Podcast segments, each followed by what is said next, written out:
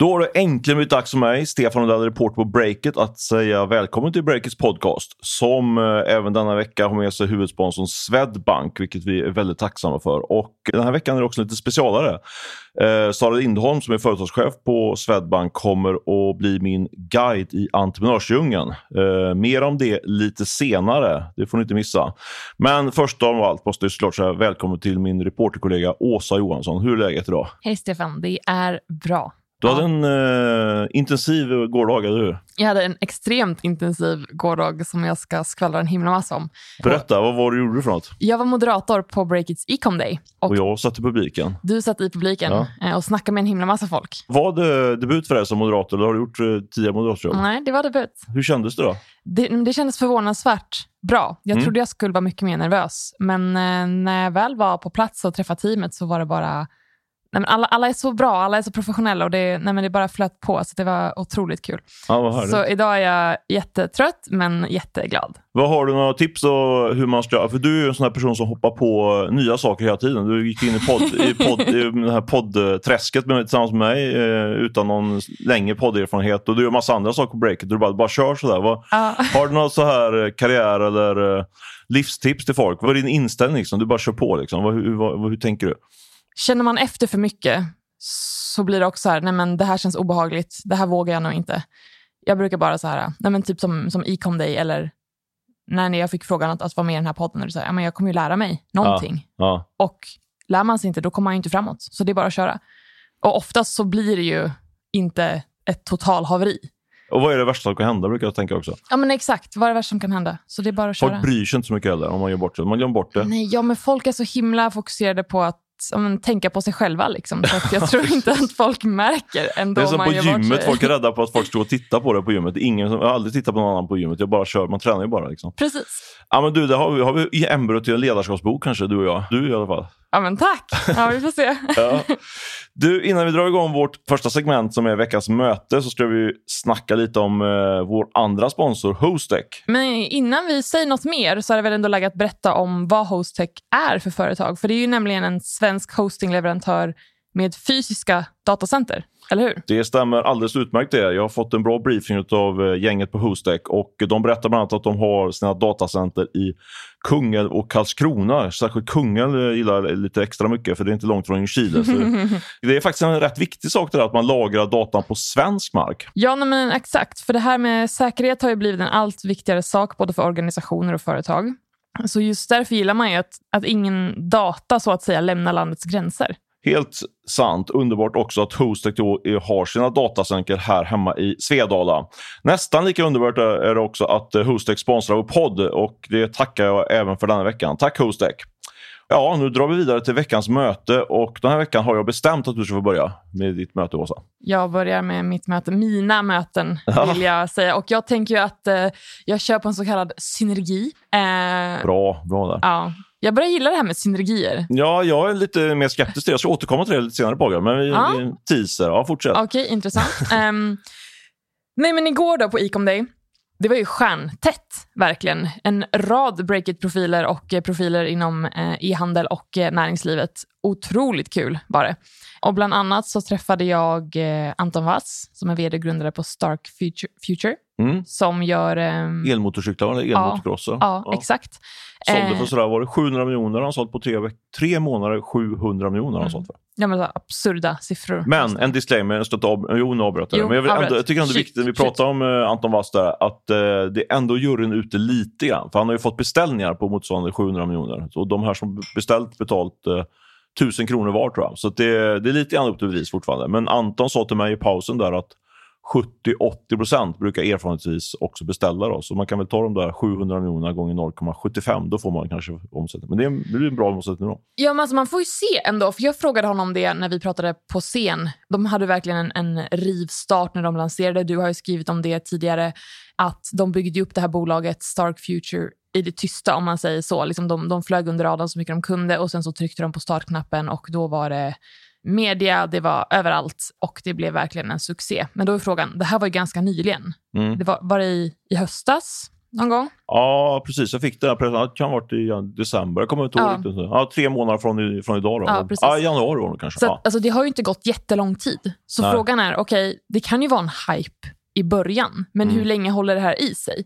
Och än så länge så verkar det ju gå ganska bra, men jag tycker ändå att man ska, man ska hålla ett öga där. För Mm. att det har gått alldeles för kort tid för att se hur framgångsrikt det här faktiskt kommer att vara. kan bli på klassiskt journalistmanér. Att vi bygger upp en person och sen så när de är uppe på toppen så kommer vi putta ner honom. varning, varning Anton. Det är jätteintressant vad de försöker göra, och att ställa om den, alltså motorcykelbranschen till att göra det hållbarare och, och eh, driva det på el istället. Och Det är ju fantastiskt. Det är ett grymt initiativ Det är verkligen. verkligen grymt. Men det kommer ju ta längre tid. Det, det tar inte tre månader. De ska verkligen ha cred för att de ger sig in i det här. Men det här är ju verkligen ett långt, långt projekt. Mm. Och Det kommer ju behöva finnas, och det finns ju redan fler aktörer, Ehm, men det kommer ju behövas ännu fler för att det här faktiskt ska, ska få snurr. Verkligen. Så det var en av de många jag träffade igår. Jag pratade också med eh, Fredrik Hamilton som är vd på Budbee. Jag pratade med Aisha Jones på Färg, makeupbolaget. John Tengberg på Kaval. Adeline Sterner på Kaja. Patrik Hadin på i EKT. Alltså jag kan fortsätta. Det här, Ja. ja. Sa de någonting också? Du bara pratade med dem. Var, fick något, var det någon take-away här till, till lyssnarna? Så här, om jag ska sammanfatta egentligen vad jag tar med mig liksom från alla de här samtalen är egentligen när vi pratar om bolagsbyggande, e-handel, hur man tar sin verksamhet framåt. Och är egentligen, och det här vet vi redan om, men det, jag kände verkligen att det här är ändå någonting som är så här, man behöver påminnas om det. Och det var egentligen det här define your purpose and keep it simple. Så kom fram till vad det är du vill uppnå Håll det så enkelt som möjligt. Och liksom, när du sitter där med en lista på allt som ska göras och allt som ska utvecklas och så vidare. Nej, men det är bättre att ta bort några punkter. Fokusera på några färre saker än att bara lägga till och lägga till. Och man hör ju hur, hur uppenbart det låter. Men det, Nej, men var, jag, det var jag, ändå jag, en jag sån kan skriva här... under 100 procent. Nu är jag ju en liten låtsasantimör brukar jag säga jämfört, jämfört med. Men eh, det tycker jag ändå har varit en framgångsfaktor för breaket. Man får så otroligt mycket propåer, göra det ena och det andra hela, Mm. hela tiden. Hela tiden, hela tiden.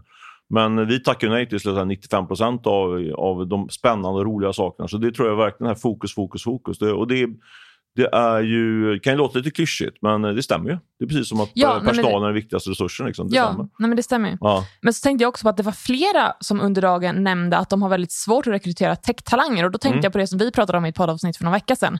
Eh, du hade ju en spaning om där att nej, men, eh, den här um, trenden som har varit att folk säger upp sig för att gå till ett annat jobb och det är jättesvårt att rekrytera, att den Mm. kommer mattas av lite grann och att techbolag istället kommer börja eh, låta folk gå för att nu ska man satsa på, på lönsamhet. Mm.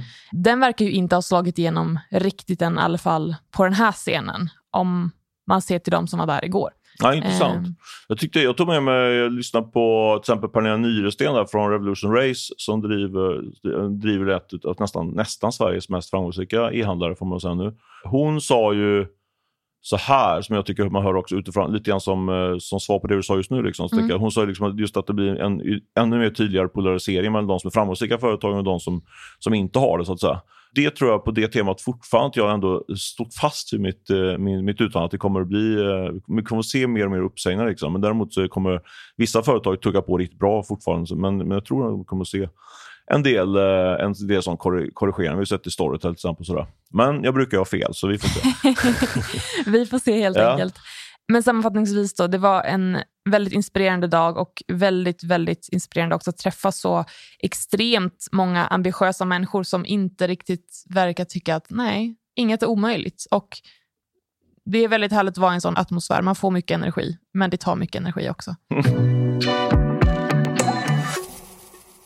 Du då, vad har du haft för möte eller Ja, men- möten? Jag kan verkligen skriva under på det där med att det var väldigt mycket energi igår. Mm. Eh, Det tycker jag är väldigt viktigt att eh, ett break-event ska innehålla. Eh, En bra möte, och många bra möten. Jag brände av med massa, massa möten faktiskt.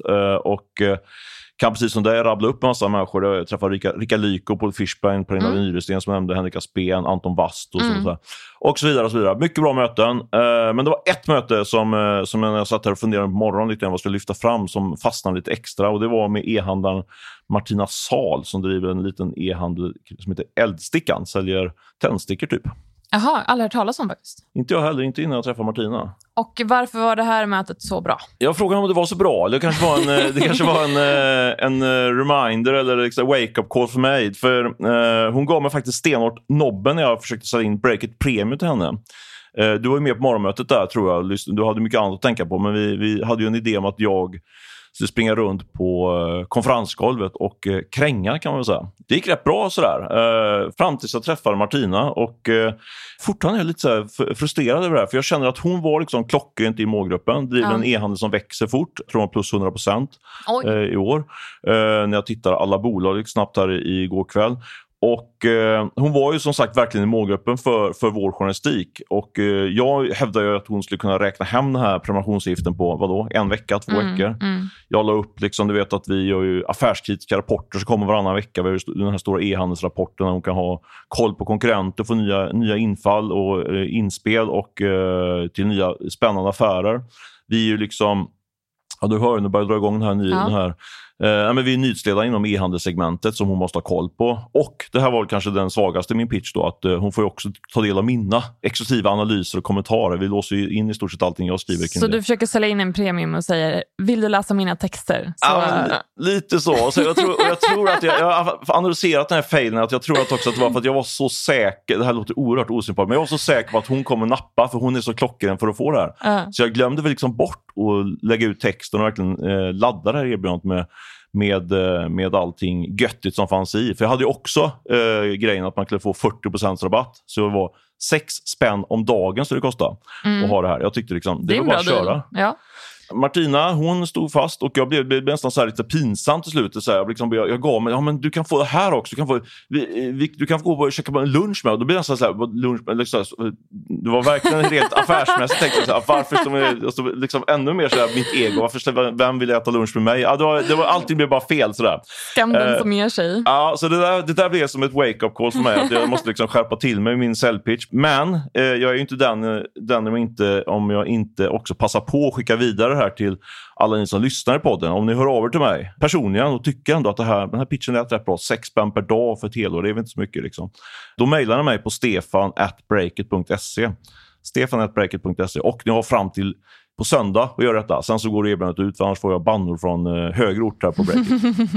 det var mitt möte. Jag hoppas du inte tyckte det var allt för säljer, men det var, det, jag vill ändå ta vidare att det var, att det var, ja, det var, det var nyttigt för mig att gå, i, gå, gå på pumpen rejält där. För att jag försöker man gäller alltid att utveckla sin, eh, sitt sätt att sälja.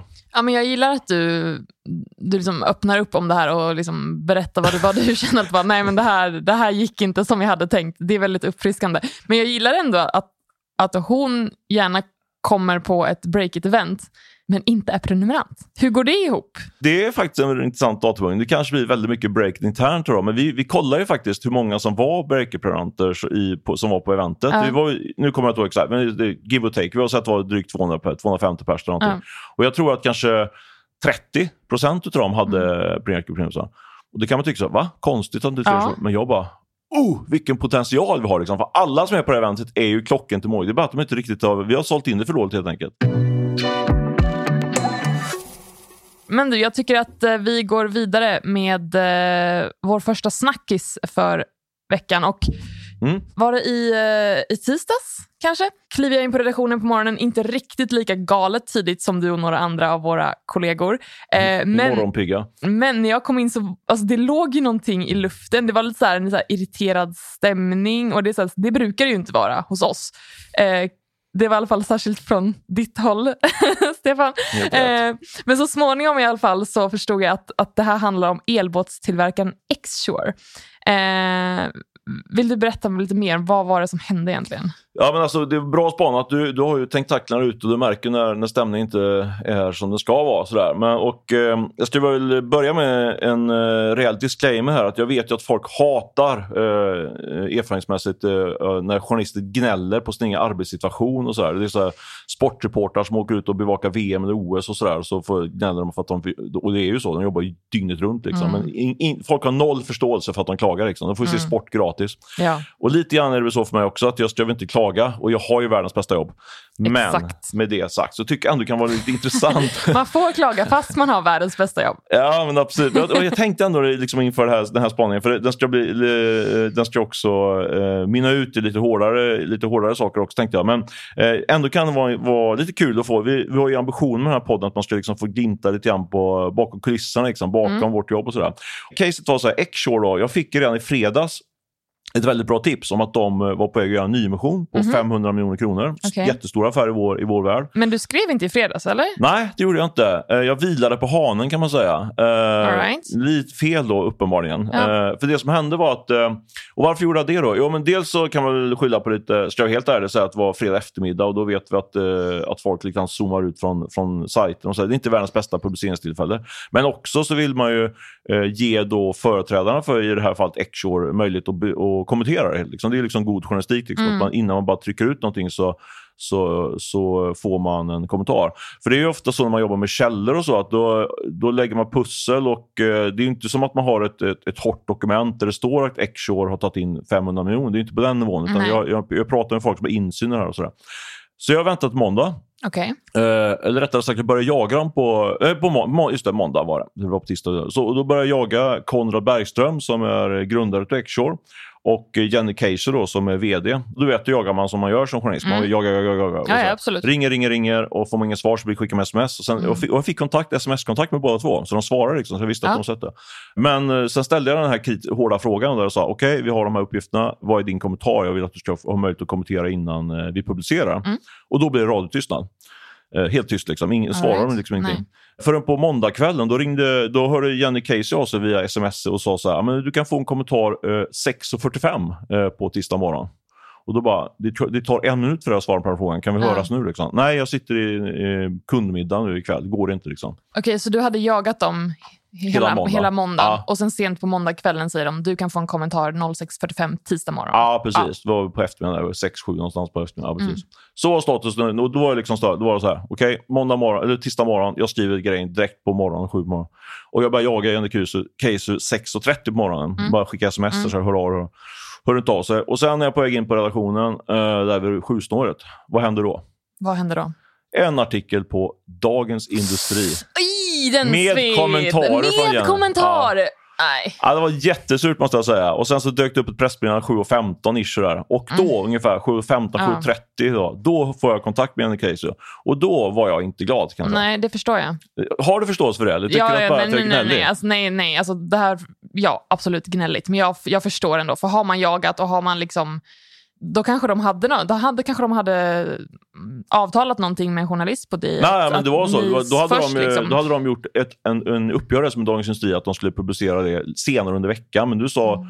Jenny till mig, ja, vi tväng, nu fick de ju publicera tidigare. Jag bara, aha, couldn't care less. Liksom, ge mig inkom. Alltså, Ja, det var liksom precis. så att de hade... Men då kunde de ju ha sagt att nej, men vi har gjort ett avtal med, Ja, jag- med en jag- annan tidning så vi kommer kommentera till er först klockan whatever den dagen. Liksom, så att man har koll ändå. Hade jag varit dem skulle jag bara sagt så här, ingen kommentar. Det, det är ju fair. För då, då kan jag, får jag själv bedöma eh, om jag ska tro på min källa tillräckligt mycket eller om jag avvaktar. Liksom. Ja. Jag hade ju skrivit av, för det, det, är liksom, det blir absolut. Så när du kom in där någonstans, då hade jag haft ett, eh, ett ganska så eh, spänt samtal med Jenny Keiser kan jag säga. Men vad blir lärdomen av det här då? Först vill jag säga, vill jag ändå ha till, till bordet, att, att jag och Jenny snackade, snackade om det här, hade lite olika åsikter om det. Men det slutade att vi tyckte ungefär samma. Hon, hon eh, som jag uppfattade bad om, ursäkt för det här lite grann. Så jag tycker ändå hatten av till Jenny, så jag vill inte hänga ut henne för mycket här. Vill jag ha till Hatten bordet. av till Jenny. Alla kan agera felaktigt. Men om jag ska vara krass så är det väl så här att eh, är min benägenhet att, låta folk kommentera eh, uppgifter minskar ju faktiskt. Man blir mer, man vill inte ha ett pressmeddelande liksom, när man ringer. Och så, för det har ju hänt. Det är inte Ja, första gången det hänt. Nej, nej. Vad, är din, vad brukar du göra? Vad, vad, hur agerar du när du har någon, någon liksom obekräftade uppgifter från bra källa men, men inte fått... Eh, vill du ha en kommentar från eh, den ut, uthängda eller den eh, på... Ja, ja, gud, det är klart jag vill ha en kommentar. Absolut. Men det beror också på, alltså, har jag en källa som säger någonting Och även om det är en bra källa, alltså, då vill jag ha två oberoende. Men det kan ju vara ganska svårt om det handlar om business. Mm. Liksom, om det är... Ja, där har jag ju lägre ribba. Jag kör ju på en. Om jag har, en, om jag har, beroende på vad det är för källa. Jag värderar liksom. Är den här, den här källan tillräckligt bra? Har han haft rätt, har han haft rätt tidigare? Ja, du vet så. Ja, jag är lite försiktigare. Ja. Ehm, Det är bra, då vet ni att det är lite mindre säkert när ni läser mina jämfört med mina artiklar. men du, om vi tittar på själva nyheten då med Xshore, att de tar in en halv miljard. Vad är din take där? Det är ett riktigt styrketecken för dels för Xshore Ja. eh, som bolag eh, som verkar tugga på jättebra. Eh, för de värderas också, det kunde vi avslöja, till nästan 2 miljarder den här rundan. Och det ska jämföras med de var det 750-800 miljoner som var för ett år sedan ungefär. Så värdet växer ju rejält på i Mm, det det del. Men sen är det, också en, är det ju ändå ett styrketecken för hela marknaden att, att ett sånt bolag som fortfarande ändå är i ett investeringsläge och gör stora förluster lyckas få in så mycket pengar. Så det visar ju att det finns mycket pengar ute. Vi har varit inne på det tidigare i podden. Ja, men, visst. men det tycker jag ytterligare bestärker det, det caset. Sen en annan sak som jag tycker är intressant att notera, det var ju att att den här, den här nyemissionen den sattes ju med hjälp av investmentbankerna ABG och Carnegie. Och De har ju så, så kallade så private banking-kunder och det är ju typ rika, rika människor. Liksom. Men det är inte superrika, det är inte institutioner och så för sig. Liksom så. Utan det är rika, rika människor. Som, eh, och där, och då, då blir det mycket mer aktieägare i samband med en sån nyemission. Så det är flera hundra som är inne i det här bolaget nu.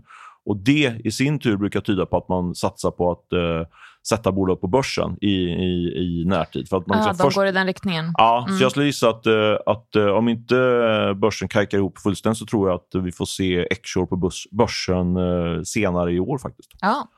Bra spaning. Ja, vi Ja. får se. Om det här, förra veckan så pratade vi om det här börsfönstret som nu var lite mer på glänt Mm. än tidigare i år. Vi får väl se åt vilket håll det här fönstret kommer gå, höll jag på att säga. Om det, om det öppnas mer eller om det stängs. Men det det, hjälper till att bända upp det ihop med mig. tror jag. All right. Ja. Men du, över till snackis nummer två tycker jag. Mm. Nu blir det mycket prat om det där Ecom Day, men jag har verkligen haft full fokus där. Men du har ju haft mer tid att vara ute och spana efter snackisar och eh, vi har ju snackat lite om att eh, du vill lyfta ett varningens finger för att eh, nej men det här som, som du brukar älska, synergier. Synergier, precis. Men nu har du varningsflaggor för synergier. Ja, men jag har blivit lite mer skeptisk efter, efter veckans eh, lunchande kan man säga. Jag träffade, jag träffade en kille som heter Fredrik Malm, eh, entreprenör, som, eh, som nu driver en eh, utmanare till Desenio. Eh, men efter, vi, vi snackar inte så mycket om Desenio, utan vi pratar en del om hans tidigare bolag. Han drev ett bolag som heter Lenstore tidigare, som sålde kontaktlinser på nätet. Och då kom, vi, Mhm. kom vi in och, och snackade om det här med... Ja, du vet, när, man gör, när, man gör, när man slår ihop bolag så snackar man ofta om synergier som jag älskar. Då, att man ska få ut någon form av kostnadsbesparingar och även eh, ett plus ett ska bli tre på något sätt. Då. Men han pekar på när eh, hans bolag då köptes ut av en stor tysk spelare. Då var han kvar eh, under, under ett år eller två tror jag och byggde, byggde vidare på bolaget. Mm. Och då, han, då hade han liksom stenhårda, stenhårt inskrivet i sina, sina avtal med det här tyska bolaget att eh, vi ska behålla den tekniska plattformen, vi ska rulla vidare med vårt varumärke och sådär. Men sen när han lämnade bolaget, nästan på dagen så la de över hela den tekniska pla- teknikplattformen till, eh, till eh, sin, ja, den stora tyska plattformen kan man säga. Och det blir en katastrof. Rent, alltså, kunderna kunde inte köpa och sådär. Så han sa Aj att då. rusar, då tappar de omsättning på sådär 70-80 miljoner under i året. Alltså från, från, och då, då pratar vi om en total omsättning kanske på 200-250 Mm. Så jag tycker det var, ganska, det var liksom en, en datapunkt på att det här med synergier kan vara väldigt svårt att räkna hem i praktiken och kan tvärtom bli minus. Liksom. Mm. Jag, jag tror inte jag förstår riktigt. Så Nej. han, han eh, sålde bolaget till en eh, tysk eh, jätte. Mm. Fredrik då stannar kvar inom bolaget, fortsätter bygga det. Mm. Och sen så nästan på dagen när han lämnar så flyttade de över den tekniska plattformen. Var Mm. det korrekt? Alltså hela teknikplattformen som man Hela- kallar liksom. Det är en e- var en e-handel så man liksom flyttade den eh, sajten till en annan plattform kan man säga. Och då blev det haveri. Exakt. Då blir det, då blir det inget bra kan man säga. Förstår jag rätt då att den här synergin som man ville ha var ju egentligen motsatsen, att det skulle bli himla bra? Ja, för man skulle spara kostnaderna helt enkelt på att man hade använt, istället för att man har två plattformar som kostar pengar så fick Ja. man bara en. Då, liksom. Så det, i, I teorin var det en jättebra idé. Men eh, när man väl gjorde det här, eh, det här över... Det finns stora risker i att göra Mm, den typen av saker. mm. Så det är väl en... Eh, Men var det tekniken som inte funkade eller vad var det som gick så galet? Ja, tekniken helt enkelt. Att det är svårt.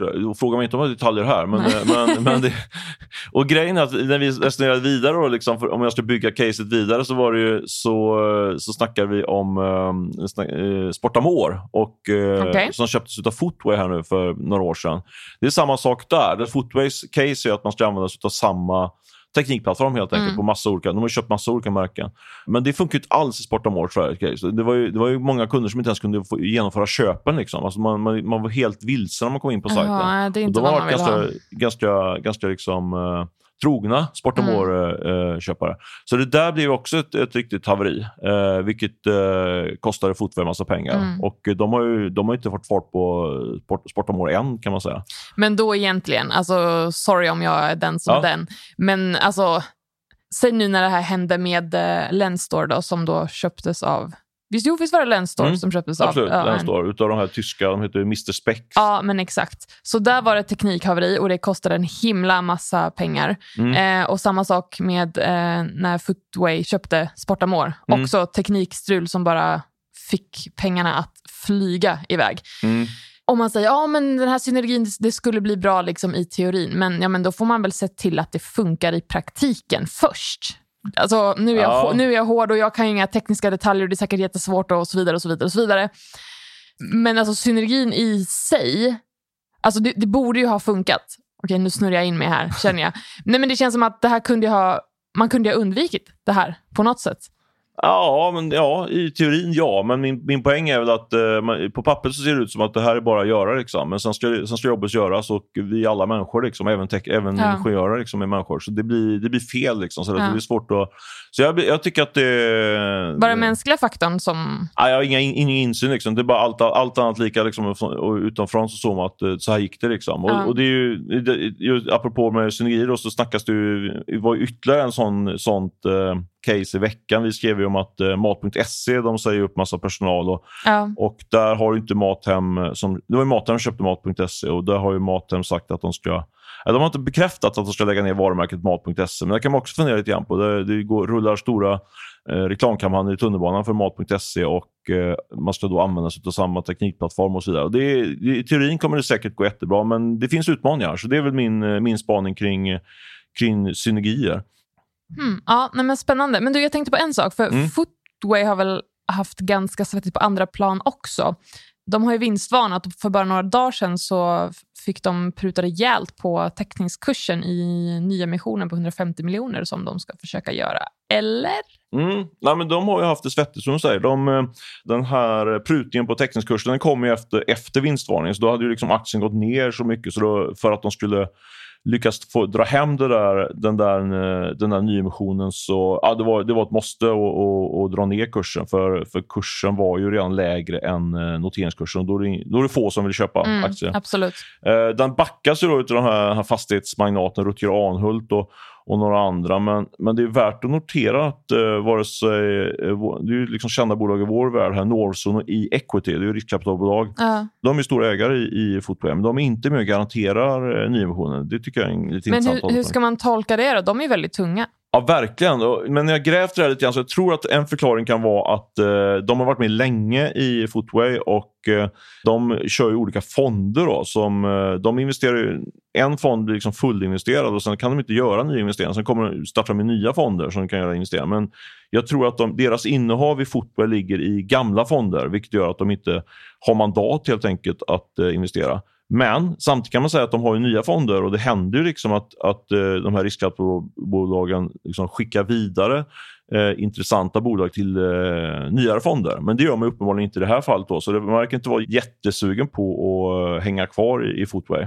Så du sätter sälj på Footway? Då? Både ja och nej. Alltså dels, för just nu är det så extremt låga förväntningar på Footway. De handlas ju under en gång i omsättningen. Så det, det, de har ju fått mycket stryk på börsen. Så utifrån det så så skulle, ju, skulle det kunna vara köp faktiskt. Men, men när man tittar rent operativt på bolaget och så, där, så får man ändå konstatera att Daniel Mühlbach då, som är, han är ju vd och, och grundare av fotboll. Han är ju riktigt duktig entreprenör men har mycket, en hel del att bevisa kan man säga. För han har ju haft den här strategin att han bygger deras footwear men också adderar till nya varumärken som Sportan Vår lägger det på samma teknikplattform och sen ska trycka ut det liksom ut i världen.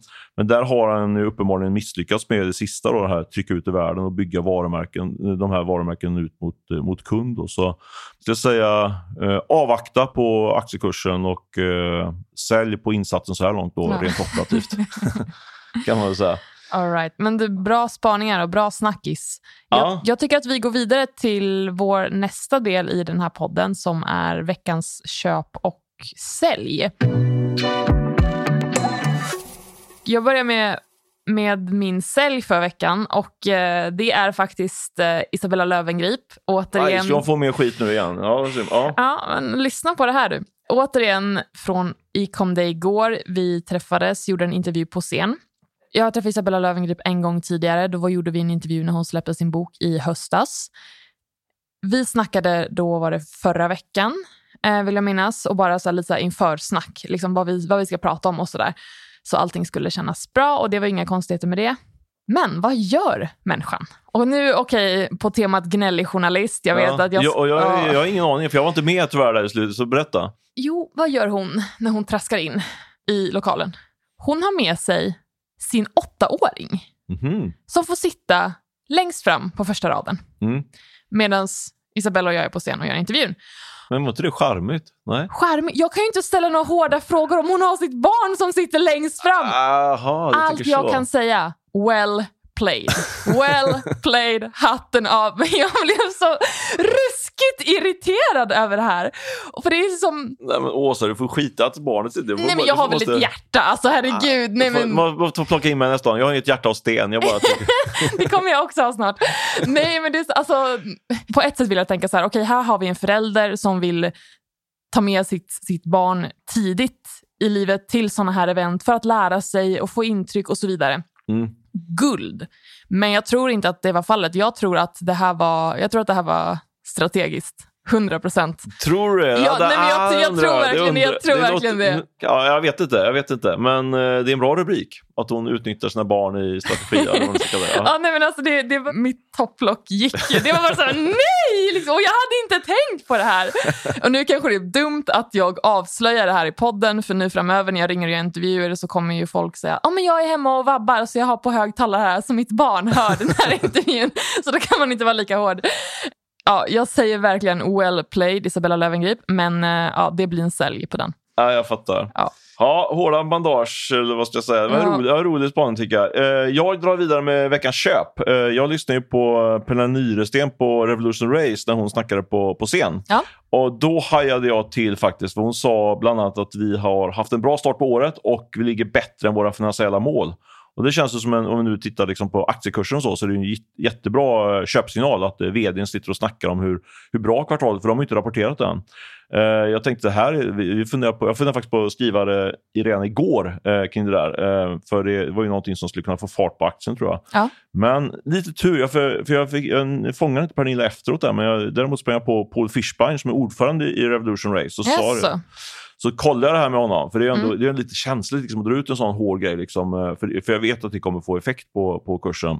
Men då sa Paul till mig att han hade också reagerat på det där, men sen så förstod han att eh, det är nämligen så att Revolution Race de har så kallat brutet räkenskapsår. Ja. Deras år har ju, eh, har ju... Hon pratar liksom om inledningen på det, på det brutna räkenskapsåret mm. eh, som redan stäng, stängdes vad blir det nu, förra året, då, slutet förra året.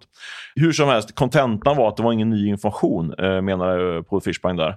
Men jag tycker ändå man kan sätta köp på Pernilla Nyrensten. För jag tycker ändå man fick en viss, eh, som man brukar säga på analytikerspråk, så att man fick en viss flavor av det. Hon kändes väldigt positiv liksom, ja. i, i, samtalet. Och eh, Jag tror att vi kan vänta oss en, en riktigt stark rapport av Pernilla Nyrensten. Så den kommer den 10 maj, kommer Revolution Race. Så jag sätter, jag sätter faktiskt köp på den aktien just nu, i alla fall på kort sikt. Jag tror att det kommer bli en bra rapport. Det var ja. min känsla. Ah, det är, så det är alltså köp på aktien, inte köp på uh, bolagets vd här? Jo, det är det faktiskt. Det är det absolut. Och nu, det inte för att jag ska dra henne medhårs men jag, jag älskar henne som entreprenör. måste jag säga. Sen, du, sen kan man diskutera värderingen på, på aktien. Liksom sådär. Men jag tror just nu sätter jag på köp både på Pernilla Nyresten som, som entreprenör och, som, uh, ja, och på aktien helt enkelt. Ja, bra köp. Stark köp. Ja, stark köp.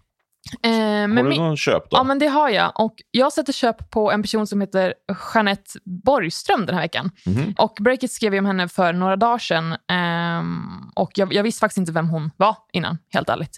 Men hon har alltså lämnat ett, ett, eh, toppjobb som, eh, eller på en advokatbyrå för att flytta till Frankrike bara sådär och dra igång en startup där. Mhm. Ja, long story short, att, att hon har liksom hela sitt liv satsat på att bli jurist och lyckades verkligen nå så här, toppjobb på den här välkända, eh, eller hos den här välkända advokaten Elisabeth Massi Fritz, tror jag man uttalar det. Mm.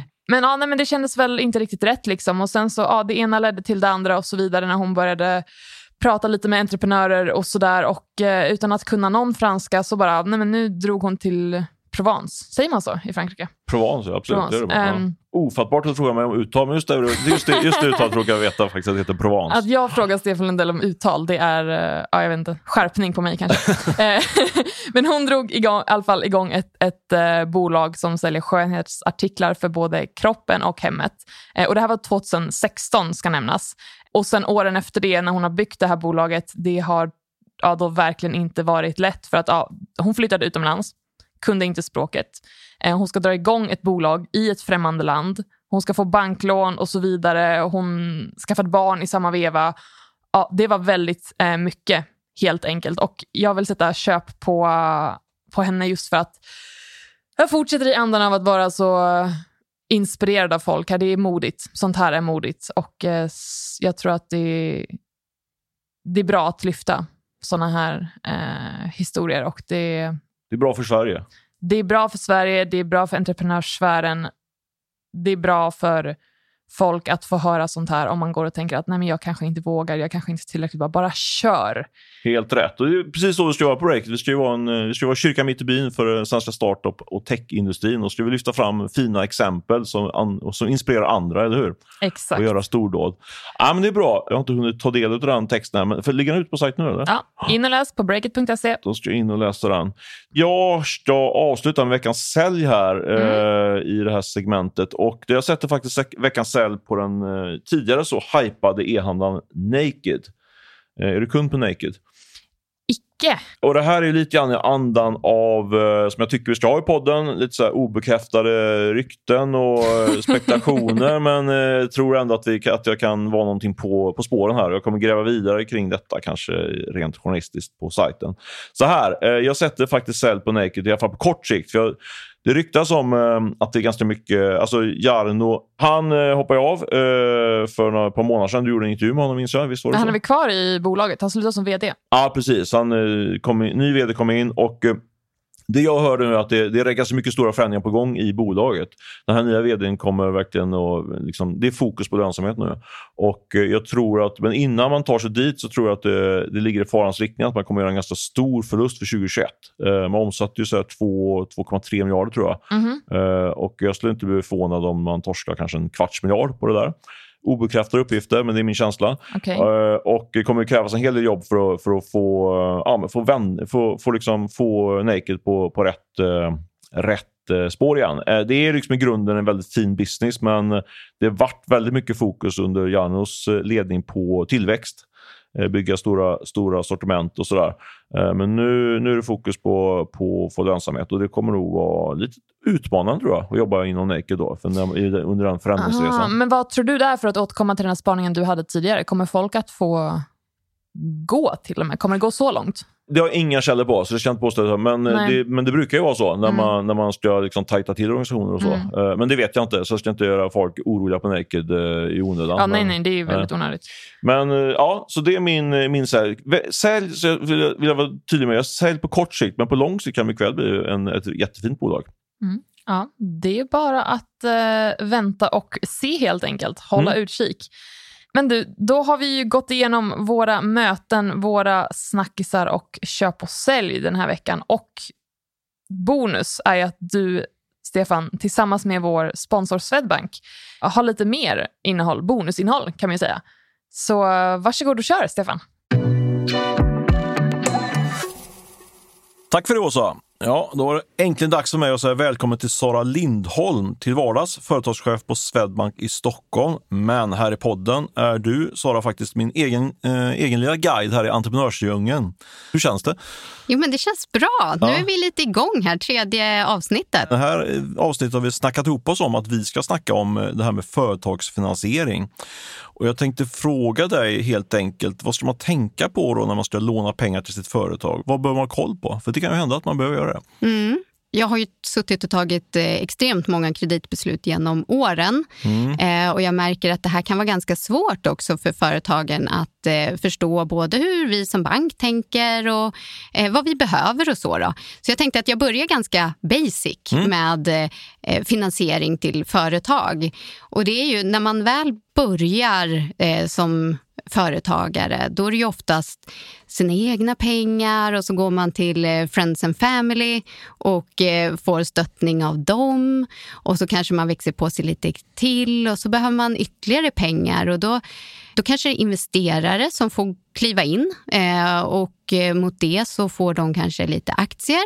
Och här får man ju vara lite eftertänksam vad det är för några man släpper in och vad är det man efterfrågar. Är det bara pengar eller är det nätverk, eh, know-how eller någonting annat? Mm, mm. Eh, och sen när man har väl börjat komma igång lite grann med verksamheten, man kanske har ett kassaflöde och lite återkommande kunder, eh, det är då mer banken kommer in helt enkelt och kan titta på det här. Och då kanske vi tittar på det för, tillsammans för med Almi. Jag tycker det är en spännande grej med, kring det du säger att eh, kunskapen och så. Upplever du att eh, en del kommer lite grann man får säga, för tidigt i banken? Att man liksom inte har det här kassaflödet på plats och att man inte förstår den logiken i att en, en bank behöver ha den typen av säkerhet kontra liksom då kanske en, en affärsängel som går in med mycket större risk. Liksom. Mm, jo, men det är väl ganska vanligt ja. eh, att man kommer till banken eh, dag ett nästan. Ja, det är så, ja. Och då har ju vi lite svårt kanske i vissa fall att eh, hjälpa till. Mm. För vi, vi behöver ju se att det finns någonting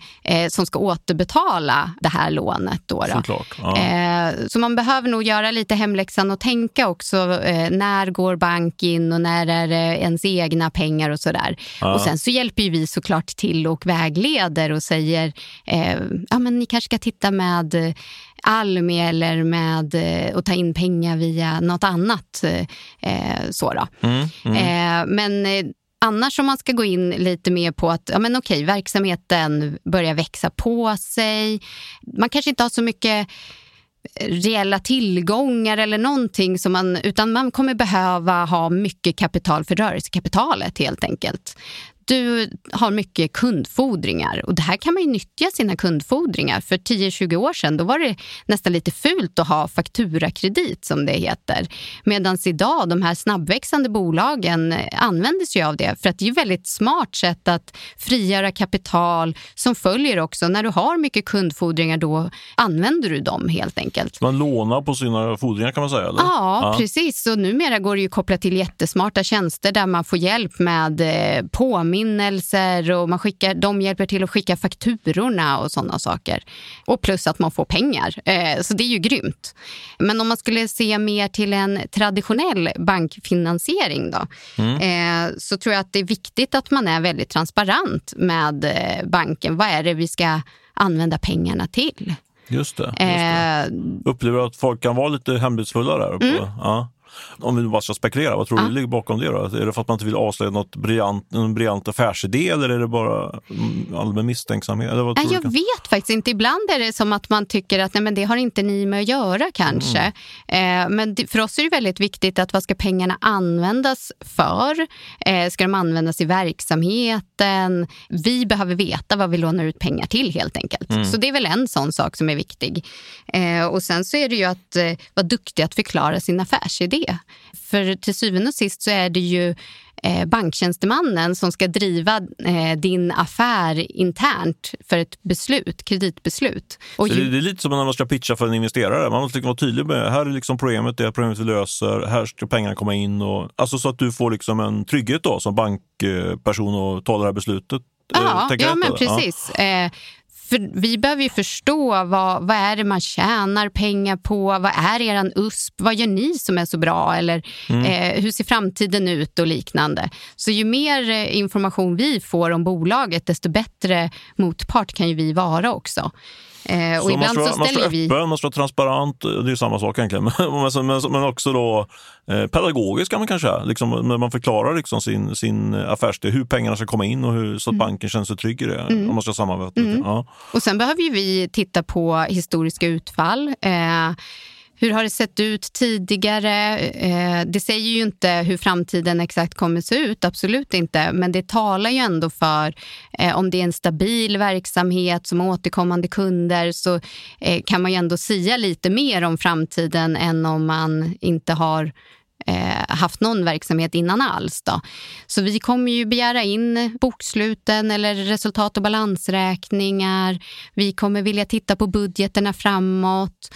Vissa bolag tycker att det är svårt att göra budgetar och det kan det ju vi det, förstå. eh, men, men, det är ännu svårare för en bank att gissa sig ja, till herregud, budgetar. Ja. Eh, så ibland får man ju sitta tillsammans och säga, okej, okay, men ni tror det här och hur kommer det falla ut? Och, mm. eh, att man har en plan lite för men vilka kommande investeringar Eh, för ser vi att det finns stora investeringsbehov framåt, eller vi kan ana det, då kan vi tycka att det är konstigt varför man vill låna väldigt lite och så ser man att men ni kommer ju inte klara kassaflödesmässigt den här förflyttningen som ni behöver göra. Då. Det låter lite grann på det, rätta mig fel, men att man ska se banken mer som en, liksom, som en partner i det här och, och att jag menar, ni har ju ett intresse av att företaget också ska växa, mm -hmm. fast på ett stabilt sätt. Liksom. Mm -hmm. För det är ju en affär för er snart om ni blir en större, större kund. Liksom, sådär. Kan det vara ett sätt att tänka på det mer, liksom, att man, än att man går med mössan hand till banken och, och, liksom, och försöker, så att säga, jag vet inte riktigt vad man gör, inte mm. sno åt sig pengar tänkte jag, men det menar jag inte, mm. men eh, liksom, mer så, liksom, det är mindsetet då. Absolut, och det, mm. jag menar, vi har ju jättestort hjärta för våra kunder, att de eh, ska utvecklas på rätt sätt och mm. då vill vi ha en bra relation och öppen relation med varandra. Eh, och då tror jag att man kan också ha ett bättre samarbete framåt. Och då blir det ju också att det blir enklare att låna pengar eh, hos en bank. Så det är ju återbetalningsförmågan som vi bedömer. Eh, vi pantbelånar ju inte som man gjorde eh, för många herrans år sedan. Eh, vi får frågor fortfarande att ja, men vi har ju en eh, fastighet här, eh, kan inte belåna den? Ja, fast den har ju inget kassaflöde så vi måste ju titta hela tiden på att eh, lån och räntor och amorteringar, alltså det ska kunna återbetalas. Jag förstår. Eh, så det är lite Intressant. skillnaden. Det tror jag måste erkänna att jag själv tänkte, levde nog lite grann i den. Alltså att man tänker att banken har, de vill ha en pant liksom, och de vill ha en säkerhet. Liksom. Men, men det känns ju mer modernt att tänka på det sättet. Liksom, att man ser vad, vad är det för, vad, när rullar pengar in så att säga. Mm. Vad är det som, för det är det som betalar räntorna såklart. Mm. Mm. Och sen är det ju en annan viktig del att man eh, eh, sköter sig med betalningar och sådana saker. Vi tittar ju eh, generellt betalningsförmågan eh, men ser vi att någon har massa betalningsföreläggande, betalningsanmärkningar då blir det ju svårare att låna pengarna helt enkelt. Det blir en form av varningsklocka kan man säga. Liksom. Verkligen. Ja, jag förstår. Mm. Men du, om man är i den situationen att man, eh, att man behöver liksom inte låna pengar just idag, då, men kanske på lite sikt, då, är, det, är det något man borde tänka på redan nu idag liksom, i det läget? Mm. Det är jättekul om man kan ha lite framförhållning och titta lite, men vad ser vi runt hörnan? För det blir ju lättare att eh, kunna vara med på investeringar då. Och ibland kan det vara så att man faktiskt behöver spara eh, för att man vill köpa en fastighet om två år till exempel. Och redan där bör, jag diskutera med banken. Ja, men vi funderar på att vi kommer nog ha växt ur våra lokaler om två år. Eh, vi tror att vi vill köpa en industrifastighet, kanske värt 10 miljoner eller man kommer få köpa för 10 miljoner hur mycket kommer vi behöva ha egen insats och att man börjar räkna baklänges då. Ja, men då kanske vi behöver sätta av 200 000 i månaden för att ha råd med det om två år. Mm. Så lite sådana saker är ju jättebra att fundera kring. Likadant om man ska köpa nya bilar och alla investeringar behöver man ju fundera igenom lite. Vad behöver man själv ha för egen insats? Just det. Mm. Ja, men jätteintressant input. Och det jag tar med mig nu det är liksom att man, man ser banken som, Swedbank som, liksom som en partner här och man är öppen och man diskuterar lite grann eh, gemensamt fram till vad, eh, riktningen framåt. Liksom. Och det handlar om ett eh, förtroende från båda, båda mm. sidor. Mm. Var det hygglig sammanfattning av, av ditt, ditt budskap? Absolut, det tycker jag. Underbart. Du, eh, då tackar jag för den här gången Sara och ser fram emot att höras i podden snart igen. Och eh, ni som lyssnar på podden hoppas jag att ni lyssnar redan nästa vecka. Eh, och fram tills dess säger jag tack och adjö.